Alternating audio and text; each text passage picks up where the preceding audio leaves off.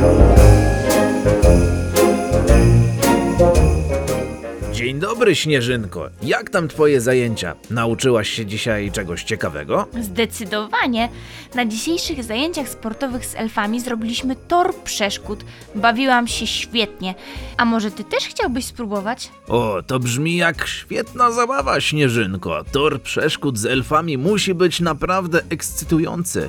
Myślę, że chętnie bym spróbował. Y, jakie były najtrudniejsze elementy toru? Och, Mikołaju, najtrudniejsze było przeskakiwanie przez wirujące bałwanki i zjeżdżanie ze ślizgawki pokrytej sztucznym śniegiem. Ale było super. To może przyłączysz się do nas następnym razem? Brzmi jakbyście wszyscy świetnie się bawili. Chętnie bym spróbował. Y, czy są jeszcze jakieś inne zajęcia, które planujecie w najbliższym czasie? Tak, tak. Planujemy też zawody na sankach jutro wieczorem. Każdy ma przynieść swoje własne saneczki.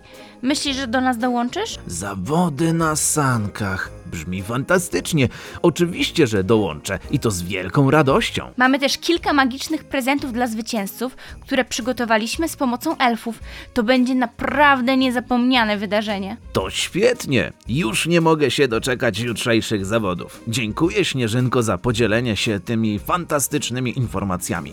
To naprawdę dodaje magii świąt przed świętami. Nie ma sprawy, Mikołaju. Zobaczymy się jutro na sankach. Dzieciaki, wy też trochę się poruszajcie. Stwórzcie zimowy tor przeszkód w waszej sali lub na placu zabaw. Wykorzystajcie swoją kreatywność i świąteczną wyobraźnię, aby zaprojektować najbardziej ekscytujący tor, jaki tylko możecie sobie wyobrazić. Pamiętajcie o urozmaiceniu toru, dodając elementy, które sprawiają, że będziecie świetnie się bawić i jednocześnie poprawicie swoje umiejętności ruchowe.